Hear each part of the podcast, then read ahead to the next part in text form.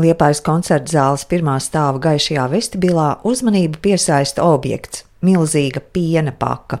Arī vecu cilvēku portreti, vēl telpā liels galds, uz kura papīra šķīvjos zīmēti vai rakstīti padomi, kā saglabāt veselību mūža nogalē.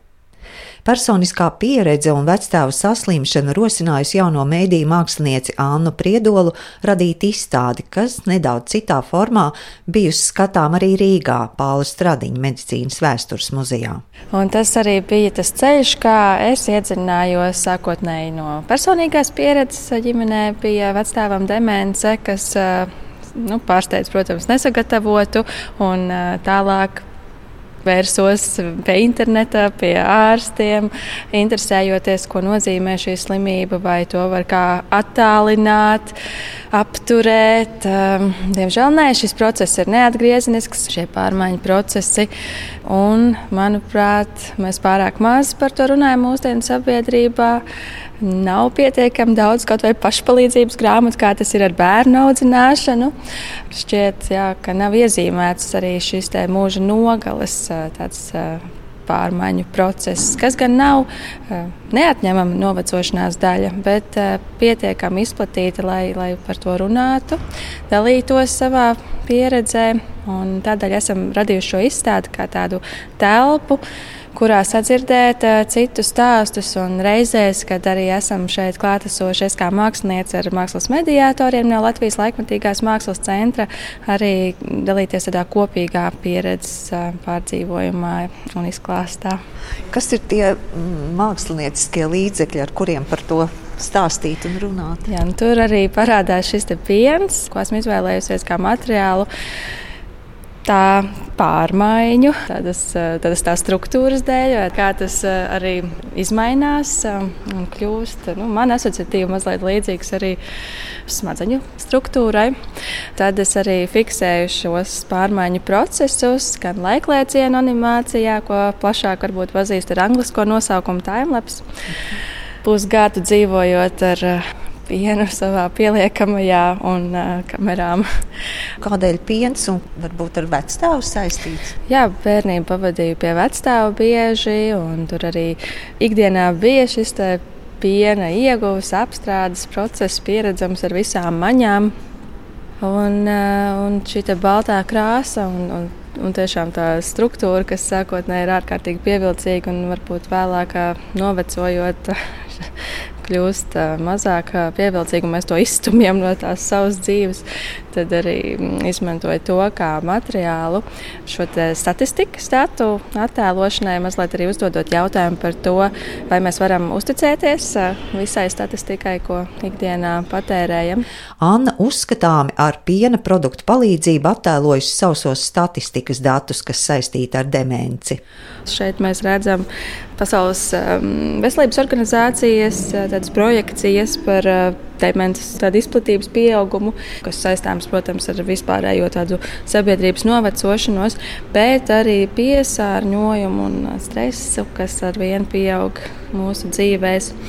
Un vēl man šķiet ārkārtīgi būtiski, ka jā, pašlaik divas trešdaļas no gan cietušajiem, gan tiem, kas rūpējas par, par demences pacientiem, ir sievietes pavada divreiz vairāk stundu rūpējoties par saviem ģimenes locekļiem, kas, protams, samazina gan dzīves kvalitāti, gan iespējas attīstīt sevi kā personību kas šķietami pēc datiem Latvijā ir ļoti mazs procents senioriem, kam ir diagnosticēta demence. Bet runājot ar ārstiem, kas arī piedalījās Latvijas Laikmatīgās mākslas centra un fonda dots organizētajā projektā Mākslas mediācija, jā, kā tad saruna, tad um, minēja, ka iespējams mums vienkārši ļoti, ļoti liels demences pacientu skaits nav nemaz reģistrēts, gadījumi nav reģistrēti un diagnosticēti kas bija praktiski nepieciešamība, jo lielajā dzinterā mums nav nodalīta telpa. Tad izveidojām šādu noslēgtu telpu, kas ir arī kā piena paka mazliet atgriešanās bērnībā. Un iekšpusē var dzirdēt tad, jā, šos pieredzes stāstus un arī novērot, kādas pārmaiņas piedzīvo šie piena proteīni. Objektā, kam piena pakas forma, var ieiet iekšā, apsēsties un klausīties pieredzes stāstus, demences pacientu līdzcilvēku, mazmeitas, dēla, vedeklas, sievas, audio dienas grāmatas, kuras ierunājuši liepājas teātra aktieri arī Anna pati. Cilvēka demence ir ļoti viegli satraukt, jo viņš nu, nevar izsekot līdz cēloņa sakarībām. Ja no galda nokrīt pļodi, viņš no šī trokšņa pārbīsts un nesaprot, kas to izraisīs. Kamēr mājās bija klusums, tās bija ļoti mierīgs, bet pie nelielākajām izmaiņām trokšņiem viņš satraucās. Un šeit pa kreisi redzam vecu cilvēku sejas. Tad Anna Priedola norāda uz senioru portretiem datorgrafikā, kas veidot ar mākslīgā intelekta rīku palīdzību un eksponēti pie vienas no izstāžu sienām. Veci cilvēki nav tas izskats pat jāapraksta. Mēs visi zinām, kā viņi izskatās ar eh, gaišiem, baltiem matiem, salīkušu muguru, smagu, grūtu gaitu un vāju atmiņu. Un eh, šo, šo tēzi izmantoja kā uzvedni, lai ģenerētu šo cilvēku attēlus, lai nebūtu nu, jāizmanto cilvēku uzticēšanās cilvēkiem ar demenciju. Tas, man, manuprāt, arī pārkāpjot kaut kādā ziņā arī ētikas normas, jo nu, nevar gluži galvot, ka šī piekrišana ir apzināta sadarboties mākslas projektā kopā ar mani. Līdz ar to izmantoju šos aizvietotājus, un attēli ir apstrādāti, apvienojot šos piena rūkšanas procesā veidojušās struktūras algoritmiski ar ar šo veco cilvēku sejām. Vēl ekspozīcija papildina līmlapiņas ar frāzēm, ko tuvinieki izmanto praktiski, lai atgādinātu vai informētu, piemēram, laiks padzerties, izslēdz plīti, šeit ir tavas mājas, tu nevienam neesi parādā. Esam pienākušas pie galda, to izmanto arī radošo darbnīcu nodarbībās kur apmeklētāji ir atstājuši savas receptes, ko viņi izmanto, kādas aktivitātes, lai uzlabotu savu mentālo un arī kognitīvo veselību. Tad var paskatīties, kas ir tie populārākie ieteikumi, gan sports, gan elpošanas vingrinājumi, mazāk strādāt, mazāk stresot. Bet paskatoties, ko iesaka nu, amerikāņi, visas problēmas grib jau saknē vienmēr ātri atrisināt. Un, un tad, viņu ārsti ir uh, devuši tādus ieteikumus, jo nu, nevar to demenci ir arī iedzimta kaita. Visus riskus mēs nevaram novērst, bet uh, kādu daļu tomēr varam ar dzīvesveidu uzlabot. Un, jā, tur arī minēts tiešām izvairīties no piesārņojuma. Daļu no tā piesārņojuma mēs radām arī paši savā ķermenī, jā, gan ar stresu, gan ar neizgulēšanos. Tā kā būtu ļoti svarīgi arī pasakot līdzi, ko ēdam un kā dzīvojam ikdienā. Praktiskas bezmaksas darbnīcas kopā ar Annu Priedolu un Latvijas laikmatīgās mākslas centra mākslas mediatoriem notiks 21. oktobrī un arī 4. novembrī.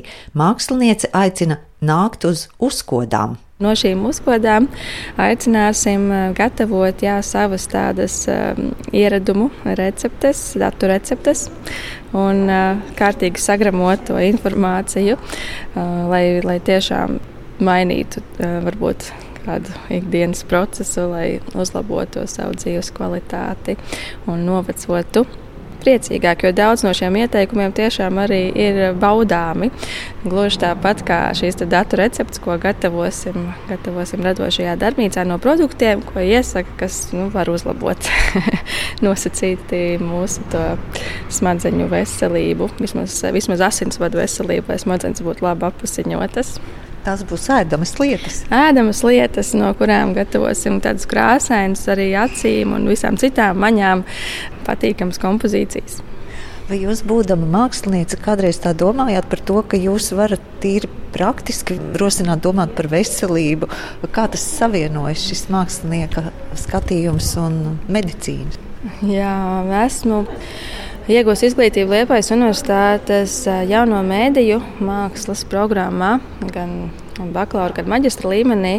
Lielā mērā šo programmu ir kurējuši Rīgas C, jauno mediju kultūras centra vadītāji Rasa Šmita un Raitas Šmits, kur uh, skatāmies gan kā tehnoloģiju, gan zinātne piedāvā noteiktus risinājumus, vai arī rada jaunas izaicinājumus tādai dzīves kvalitātei. Tā kā nu, tādi sociāli jautājumi vienmēr ir bijuši mūsu uzmanības lokā.